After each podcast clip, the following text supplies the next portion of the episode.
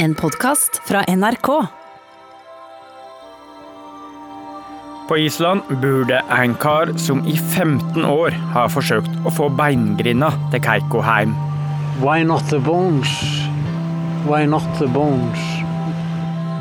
På Island så bor det også ei dame som fulgte kjendiskvalen tett de siste fem åra av hans liv, og som skal ha vært der da han blei begravet. På Nordmøre så bor det en sunnmøring med mer informasjon om gravlegginga enn jeg tror han har gitt uttrykk for. Ja, Den natta var jo veldig spesiell fordi at det lynte. Det var eh, snøvær innimellom, hagla, det var et forferdelig dritvær. Og dersom hvalen virkelig ligger i strandkanten på Halsa, så må det da være noen spor. We are following Keiko's journeys home from the bright lights of Hollywood to the cold waters of the Interessen er enorm over hele kloden. Alle er opptatt av Keiko. Så du er så nær du at du nesten kan ta på containeren der Keiko er i. En avdanket filmstjerne på fire tonn har satt fart i den fraflyttingstruede bygda Halsa på Nordmøre. For rundt og for opp med oss hele tida, mest. Han er intet kjæledyr. Keiko, the killer whale made famous by the Free Willy movies, has died at the age of 27. Gåten Keiko er en gravedokumentarserie fra NRK P3.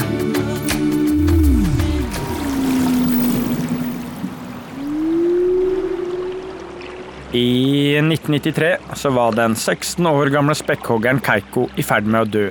To tonn undervektig, dekt av vorter over hele kroppen og i en tank fem ganger sin egen kroppsstørrelse. Til sammenligning så er ei fengselscelle rundt 50 ganger menneskekroppen. Men det var håp i den hengende ryggfinnen til Keiko. Han fikk nemlig hovedrolla i Hollywood-filmen Free Willy. Filmen er som en biografi for Keiko. Den starter med en flokk ville spekkhoggere som leker ute i havet, før flere spekkhoggerunger brått blir fanga av fæle folk i fiskebåter.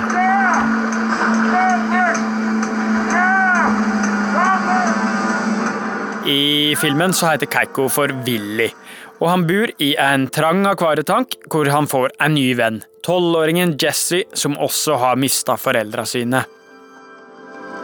Come on, Willie, you have to do it once, just once, boy. Avslutninga av filmen er ikonisk. Der hopper Willy skyhøyt over Amolo og sin jublende venn, og ut i det fri havet.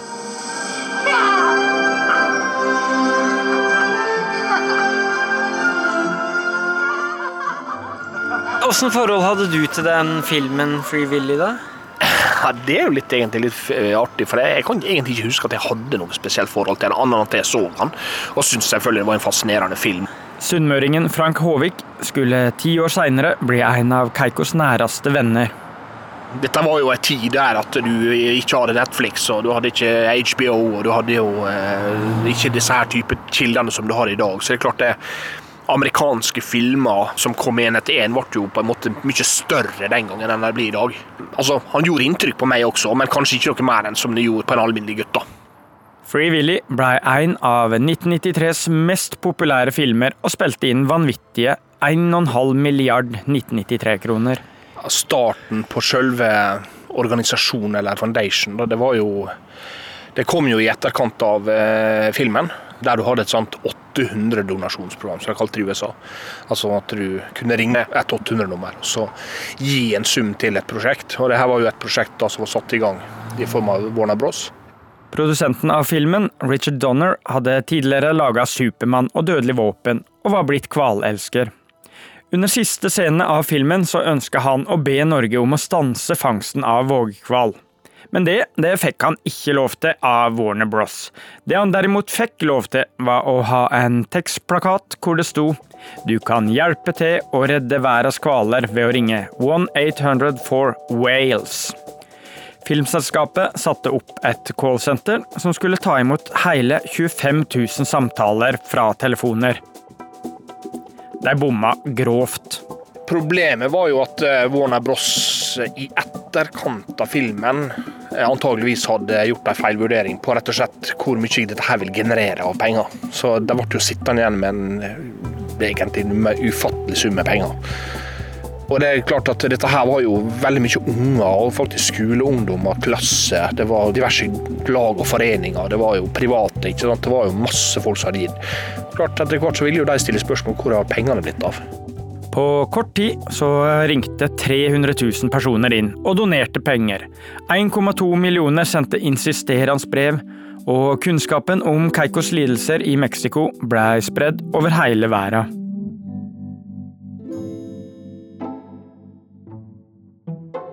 Jeg var lenge ganske sikker på at ryktene om at Keiko ikke skulle ligge begravet ved Minnerøysa, bare var falske rykter. Men etter å ha fått innsyn i alle Fiskeridirektoratets 154 dokumenter om Keiko, unntatt de tre som omhandler hans død og gravlegging, så blei jeg usikker. Og det kan være flere måter å finne svaret på. Folk og gravemaskiner må nødvendigvis ha vært involvert under ei gravlegging. Det må også finnes spor i jorda, og derfor så forsøker jeg først å sjekke ut metoden georadar, kjent fra da TV-serien Gåten Orderud søkte etter drapsvåpenet.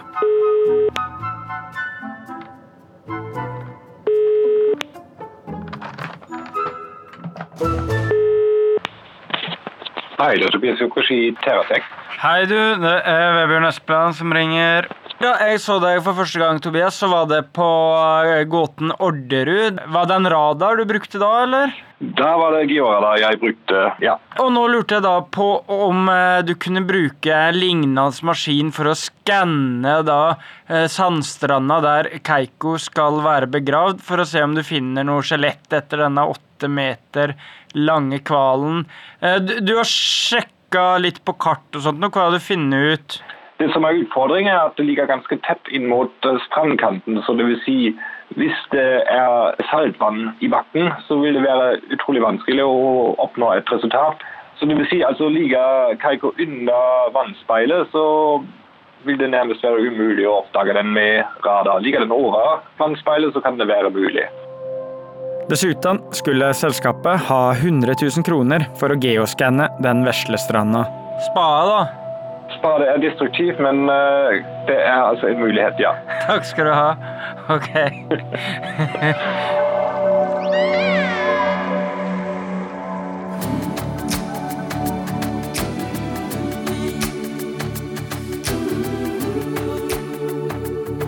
I 1994 så var verdens største artist, Michael Jackson, nygift. Men han hadde måttet kvitte seg med sin mangeårige bestekamerat, sjimpansen Bubbles, som popikonet da hadde brukt millioner på å lære å snakke uten særlig suksess. Det var Michael Jackson som laga avslutningslåta til Free Willy, og kanskje kjente han seg igjen i Keiko. De hadde begge en tapt barndom, de var begge superberømte, og Keiko var både svart og hvit i skinnet, akkurat som Michael Jackson hadde vært.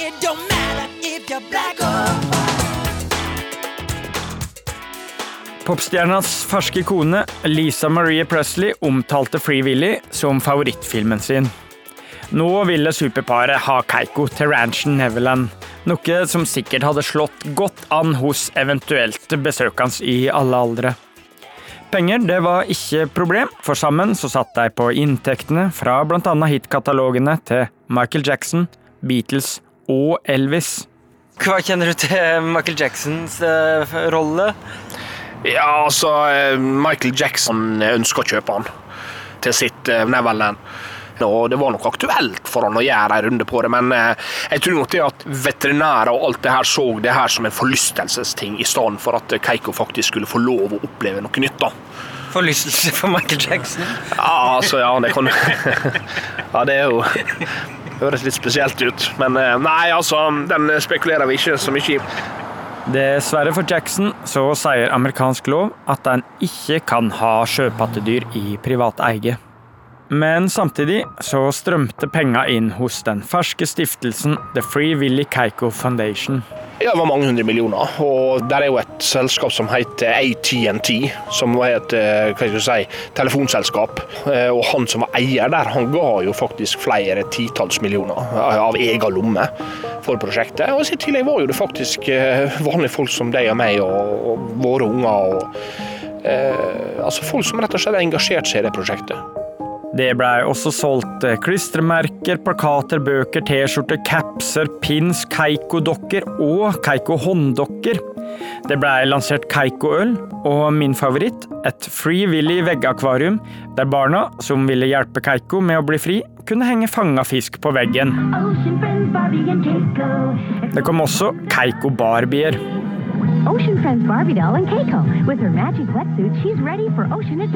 Rundt 25 millioner dollar blei samla inn, og det er mer enn Band Aid-suksessen Do They Know It's Christmas fikk inn til sultramma i Etiopia.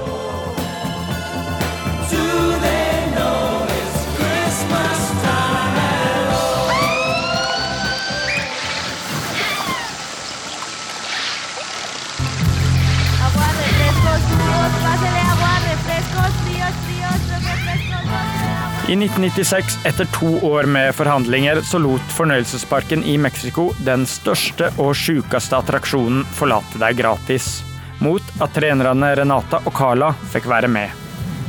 More than 20,000 people a day now pour through the gates of Reno Aventura to bid farewell to their beloved friend. The outpouring of affection is overwhelming. Everyone realizes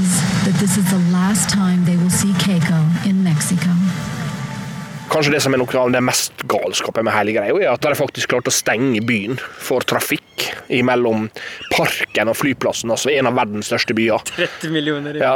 Og så bare stenger de hovedfartsåra for at de skal frakte denne hvalen fra der og til flyplassen. Det, det syns jeg er kanskje galskapen i det. Klokka to om natta så var metropolen opplyst av brits, biler, politilys og ropende mennesker. Den hemmelige ruta skulle ta ti minutter, men den tok to timer.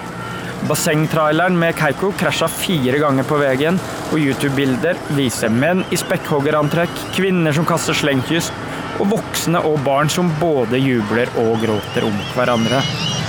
Etter elleve år og 7800 ubetalte opptredener, så blei Keiko rulla inn i et digert fly.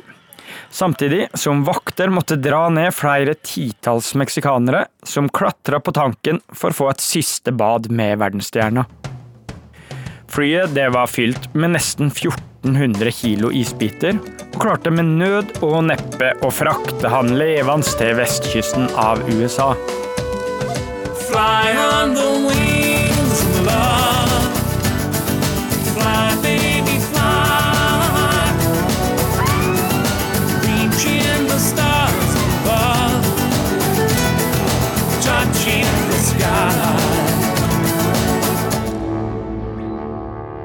Når jeg kom til Oregon, så var jo været så dårlig at eh, de anså det som vanskelig å lande veterinæren gikk vel egentlig fram og sa i cockpiten at uh, denne her hvalen skal ned uansett, med eller uten fly. For han, han da begynt å bli litt i dårlig forfatning. Så de fikk jo heldigvis han ned. I Newport, Oregon, så var Keiko nå tilbake på havnivå med det lufttrykket og klimaet som arten hans er skapt for. Og i akvariet så fikk han til og med selskap av delfiner. Det var dypt. Det var allerede begynt å gro naturlig sjøplanter, og det hadde satt ut diverse småfisk. og Det var jo et så tilnærma likt hav som du kunne komme i en innhegning. da. Hvalen lærte seg å dykke og være et kvarter under vann. Flere besøkende kunne fortelle at de fikk et spesielt bånd til Keiko. At den store hvalen sto lenge foran dem på samme plass, og at de tidvis hadde øyekontakt. I loggen så står det derimot tørt at Keiko jokka og masturberte på akvariets gummiballer. Uansett, livsgnisten var på vei tilbake. Ja, Det må være en fantastisk opplevelse for han, og det merka jo de på han, fordi at i løpet av de årene han var der, så dobla jo han nesten vekta si. Nesten dobla, ja. ja. Og det er klart at Når du snakker om 3,5 tonn til nærmere 6 tonn vektøkning, så sier jo det litt om trivsel også, og matlyst og i det hele tatt. og veldig mye av de problemene han hadde med hudsykdommer, forsvant jo. Så eh, altså, det er jo ingen tvil om det at eh, det berger jo livet hans for de neste åra. Fra å være en døende artist som slava for publikum og åt råtten fisk, så blei han nå servert 26 tonn restaurantfisk i året. Han hadde 25 ansatte til å tjene seg, deriblant åtte personlige trenere. En mansion til 60-70 millioner. Ja, det var vel egentlig det han hadde. Jeg tror kanskje han kosta mer, men jeg tror han kanskje kosta 150 millioner. Det var jo en, en måte for Warner Bros og Free Willy Cake Foundation til å forsvare bruken av de pengene. Da. Fordi at de ga Keiko en ny mulighet til et nytt liv. da. Og i luksusakvariet så kunne Keiko også se flere TV-skjermer. Han stoppa gjerne opp for å gløtte litt på actionfilmer eller dyreklipp, og det han særlig viste interesse for, det var wrestling. Men han viste pussig nok aldri interesse for filmen Free Willy, der han sjøl var stjerna, uten at det nødvendigvis sier noe om filmens kvalitet. På to år så får vesle Newport med 9000 innbyggere besøk av to millioner Keiko-fans.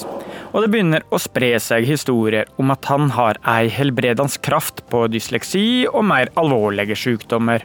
Altså havets versjon av Snåsamannen der. Newport ønska å beholde stjerna si, men etter to år med speiding og forhandlinger, så hadde Free Willy Keiko-gjengen til slutt funnet den perfekte fjord.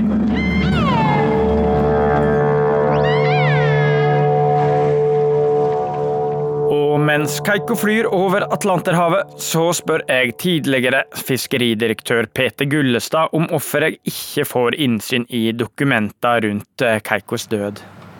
Nei, for, jeg ba om innsyn i alle Fiskeridirektoratets uh, saker vedrørende spekkhoggeren Keiko. Da fikk jeg innsyn i 151 dokumenter, og så var det som var, tre som var unntatt. Og det var de vedrørende Keikos gravlegging og Keikos død. Og hvorfor tror du det var sånn? Nei, det Det Det kan jeg faktisk ikke svare på. De burde i hvert fall være nedgradert i dag, da. jeg tenker det, jeg òg. du får søke igjennom å få, få de skrevet. Jeg skal gjøre det, og hilse fra deg. Men eh, så du er ganske sikker på at han eh, ligger begravet eh, i nærheten av Taknesbukta? Ja, Er det en ny, en ny vri på saken at han ikke ligger der? Det er mange som mener det, også i Halsa kommune. Å ja. ja det, dette er i så fall nytt for meg, da. Mm. Så, så det, det må, jeg, må, jeg, bare si at det, det kan jeg overhodet ikke bekrefte, bekrefte at, at han skulle være noe annet sted.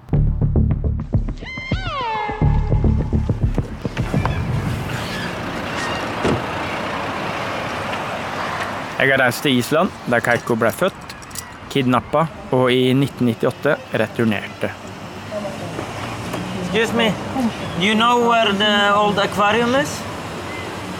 Old aquarium? Sædyra-Safnid? Yes, uh, there is nothing there, it's a golf course. It's a? It's a golf course today. It's a golf course? It's a long, long time ago. This was Sædyra-Safnid.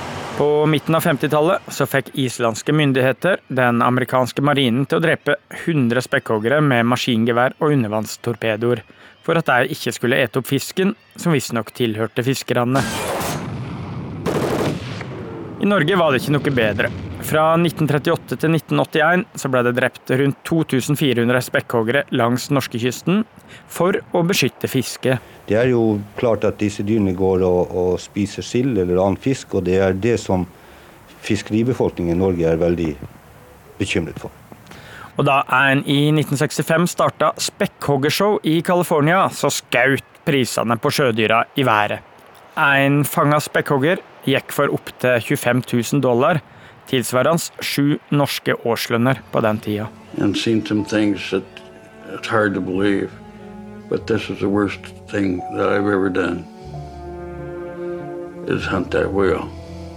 Men da SeaWorlds fangstfolk blei avslørt i å bruke helikoptre og dynamitt i jakta etter spekkhoggere og delfiner, så ble fangsten forbudt i USA. Noe som åpna opp for Island. They had aircraft, they had spotters, they had speedboats, they had bombs they were throwing in the water.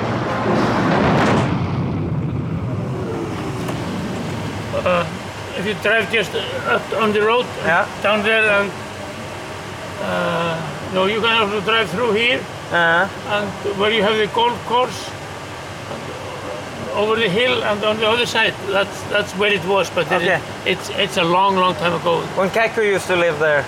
Who? Keiko. Yeah, I think so. You should Yeah. go for the funeral in Norway. You know, yeah, yeah, yeah, I've been there. it's ridiculous. okay, thank you. Why, why are you interested in that? Uh, because I'm making a documentary and I want to find uh, the first place he stayed. Okay. Mr. Keiko. Mellom 1976 og 88 så fanga islandske fiskere 59 levende spekkhoggerunger. Ungene var enklere å fange og trene opp enn de voksne, og ikke minst billigere å frakte. Nå står jeg oppå en mosegrodd og en skjærgårdsstein. Ser utover storhavet, en stor motorvei bak meg. Hafnafjordur heter det eller noe sånt nå. En forstad til Reykjavik, en slags Lørenskog med masse hav. Eh, rett nedenfor meg så er det da en grønn golfbane ned mot det blå havet. Og det var her eh, Keikos første stoppested på landjorda var. En liten tank nede her som nå har blitt jevna med jorda og erstatta med små høl med flagg og oransje golfbiler som kjører rundt. Og det er kanskje like greit at islendingene ikke driver og fyller opp en liten tank med masse spekkhoggere og flyr rundt omkring i verden i dag.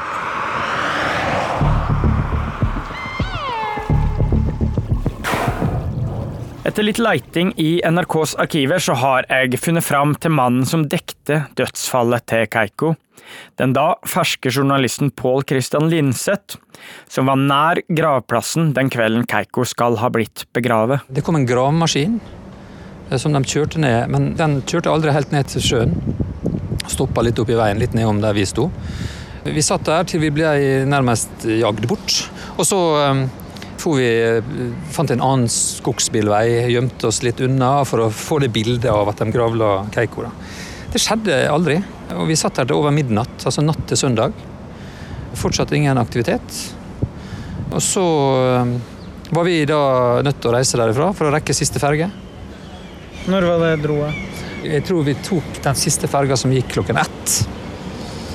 Så vi dro derfra halv ett cirka. Ja. Kom tilbake mandags morgen. Da var Keiko borte. Så jeg har mine tvil, jeg, altså. Eh, Jeg tror de har dratt den til sjøs, rett og slett. Det ville jo være naturlig, og det var jo det alle anbefalte dem å gjøre. Og rett og slett bare senke den i, i havet.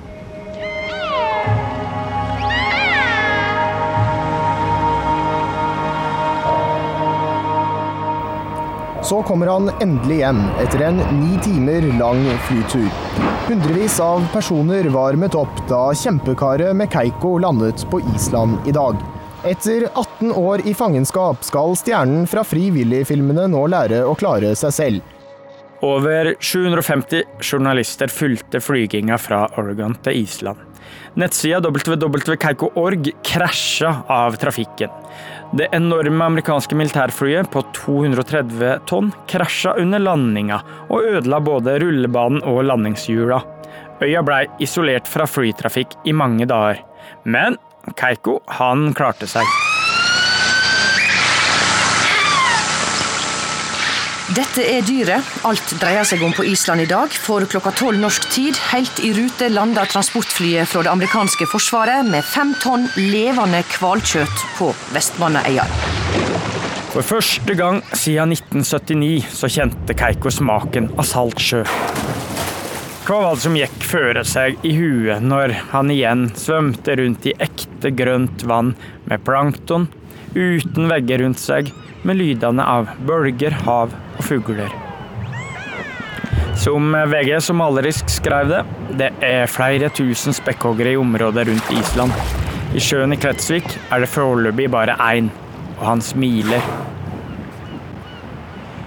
Nå står jeg nedenfor en vulkan som treffes nok heter Eldfjell.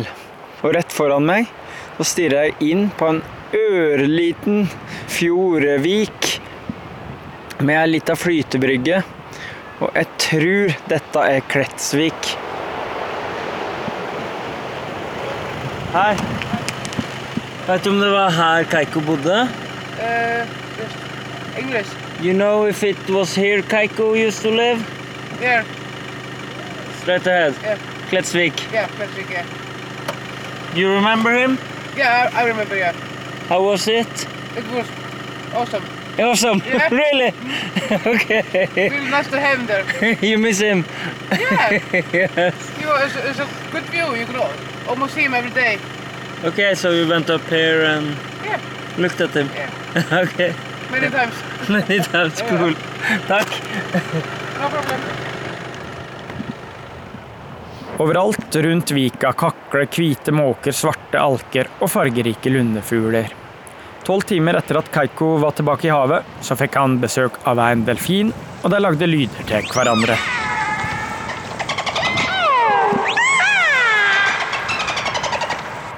Også gjestehuseier Gauji, som var 19 år, har gode minner fra Keiko-tida. Så man kunne ikke gå og titte i ørene på honom. Därför att de eh, tränar han att eh, bli vilt i naturen. Så man kunde inte komma för, för nära. Men en gång då var jag och några kompisar som tog en liten båt och sjön liksom tryckte oss nära, lite för nära. och vi visste inte var Keiko var, men så kom han fem meter ifrån. Och eh, jättemycket vatten liksom kom upp, han blåste vatten i luften. Och det var fem, fem tjejer, 17-18-åringar ombord. De blev livrädda. De- De tänkte Keiko skulle komma och äta dem. Så det, det var jätteroligt. Men man kunde inte vara så mycket nära. Så kom eh, väkterna och liksom, du kan inte vara här. Amerikanerne. Ja, Det amerikanske Keiko-teamet hadde sitt å stri med den vinteren. Det var det tøffeste været i manns minne på de vakre og værharde øyene. To store vindmålere ble ødelagt av vinden. Og Keiko-teamet det gikk rundt i oransje overlevelsesdrakter også innendørs. Snart så ansatte stiftelsen ei islandsk dame til å jobbe for seg. Torbjørg Kristiansdottir. Og det er henne jeg i mange, mange veker nå har forsøkt å nå. Uten suksess. Da gikk det litt enklere med TV-stjerna Hadlur Halsson. I wanted to bring Keiko's bones back to Iceland, back where they belonged. I 15 år så har den islandske Ole Torp jobba for å få beingrinda til Keiko heim, for å vise den fram på museum. Perhaps you could take it up with the Norwegian bureaucrats and ask them, why don't we bring the bones, you know, so that people can see them? Why didn't they allow you, do you think? Basically because they are bureaucrats and they love to say no to good ideas. Isn't that what bureaucrats do all over the world? I ask you. Where do you think the bones are now? Well, I went to them, of course, uh, near Halsa. Keiko is under some rubble of stones. They threw stones over the corpse, and uh, that was that. You believe he is actually buried there? He was there. He was there uh, 20 years ago How do you know? because I went over there. And you saw the bones? No, of course I didn't see the bones. I just saw these these huge stones which had been put over Keiko, you know, after his death. So, but do you doubt that he is there? There's a lot of rumors in Norway that he's not buried there. Oh, there are rumors. What kind of rumors? That he was drifted out in the sea and Yeah. sunk. Okay. The bones of the most uh, famous whale in the world. People can relive the story and, and relive the movie. Why not? Why not? Why not? It's crazy. Some suggested that we go over to Norway and, you know, during night And take Keiko away from his grave, so to speak. with a spade? yeah. But of course we didn't do that. That was just humorous. Do you think you would find something? Well, I haven't thought of that. I haven't thought of that. Well, why not the bones? Why not the bones? Why? Hvorfor får ikke islendingene lov til å få beina til Keiko hjem? Er det rett og slett fordi at han ikke ligger der?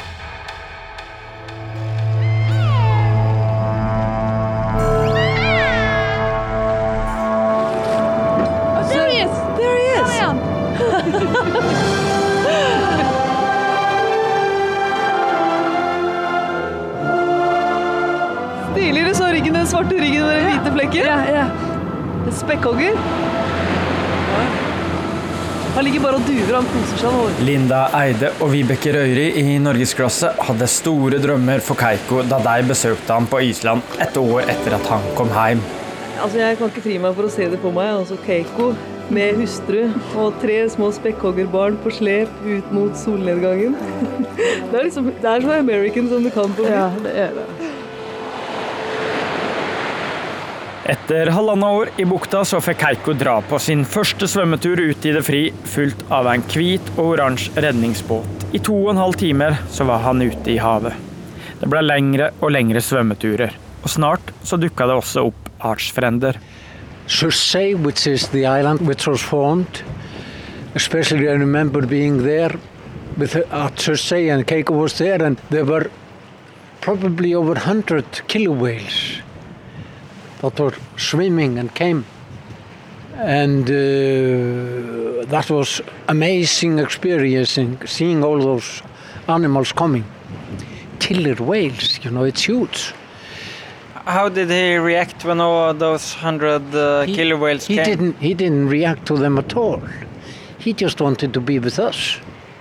So that was that. Han var tilbake i havet etter nesten 20 år i fangenskap. Spekkhoggerne han møtte, var mest trolig fra andre familier enn han sjøl, og med andre språk. Kanskje så hadde han sjøl glemt språket etter 20 år i ensomhet. Og hva skulle Keiko egentlig fortelle dersom han møtte en flokk med samme språk? At han hadde bodd i Mexico City, spilt i en av Hollywoods største filmsuksesser og flydd jorda rundt i enorme fly. Han kunne fort blitt avskrevet som en tulling eller lystløgner.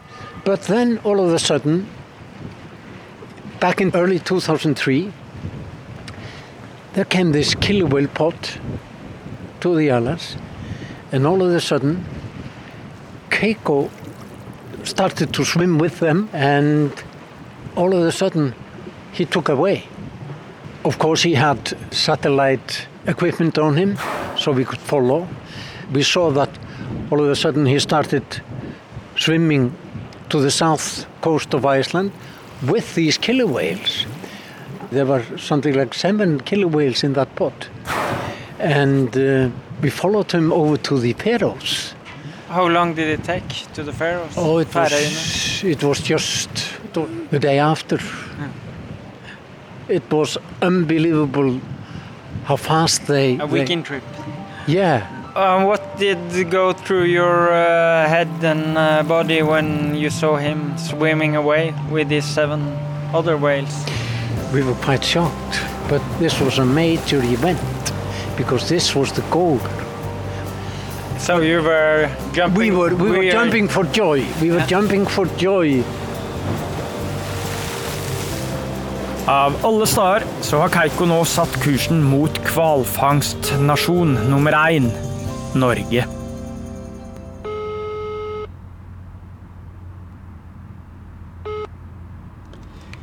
Nei.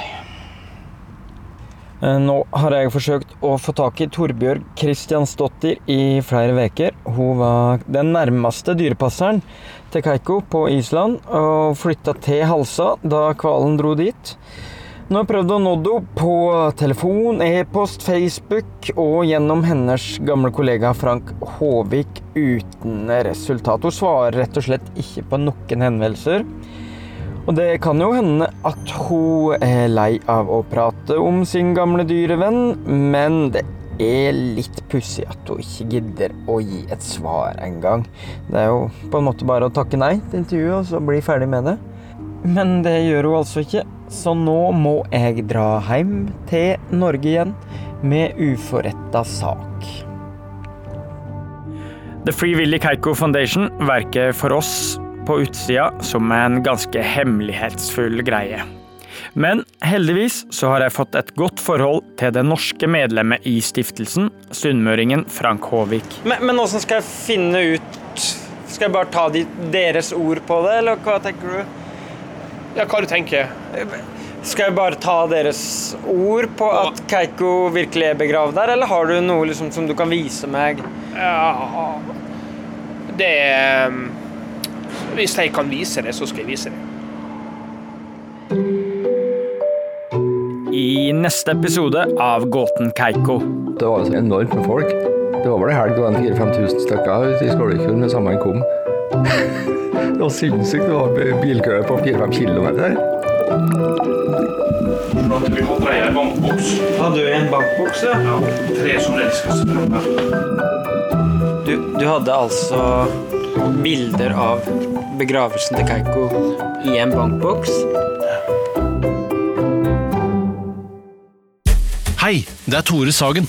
I perioder kan det være godt å ta av seg klovnenesa og ta på seg den seriøse blazeren. I min podkast inviterer jeg gjester som kan svare på alt jeg, og forhåpentligvis også du, lurer på. Last ned Tore Sagens podkast og andre podkaster i appen NRK Radio.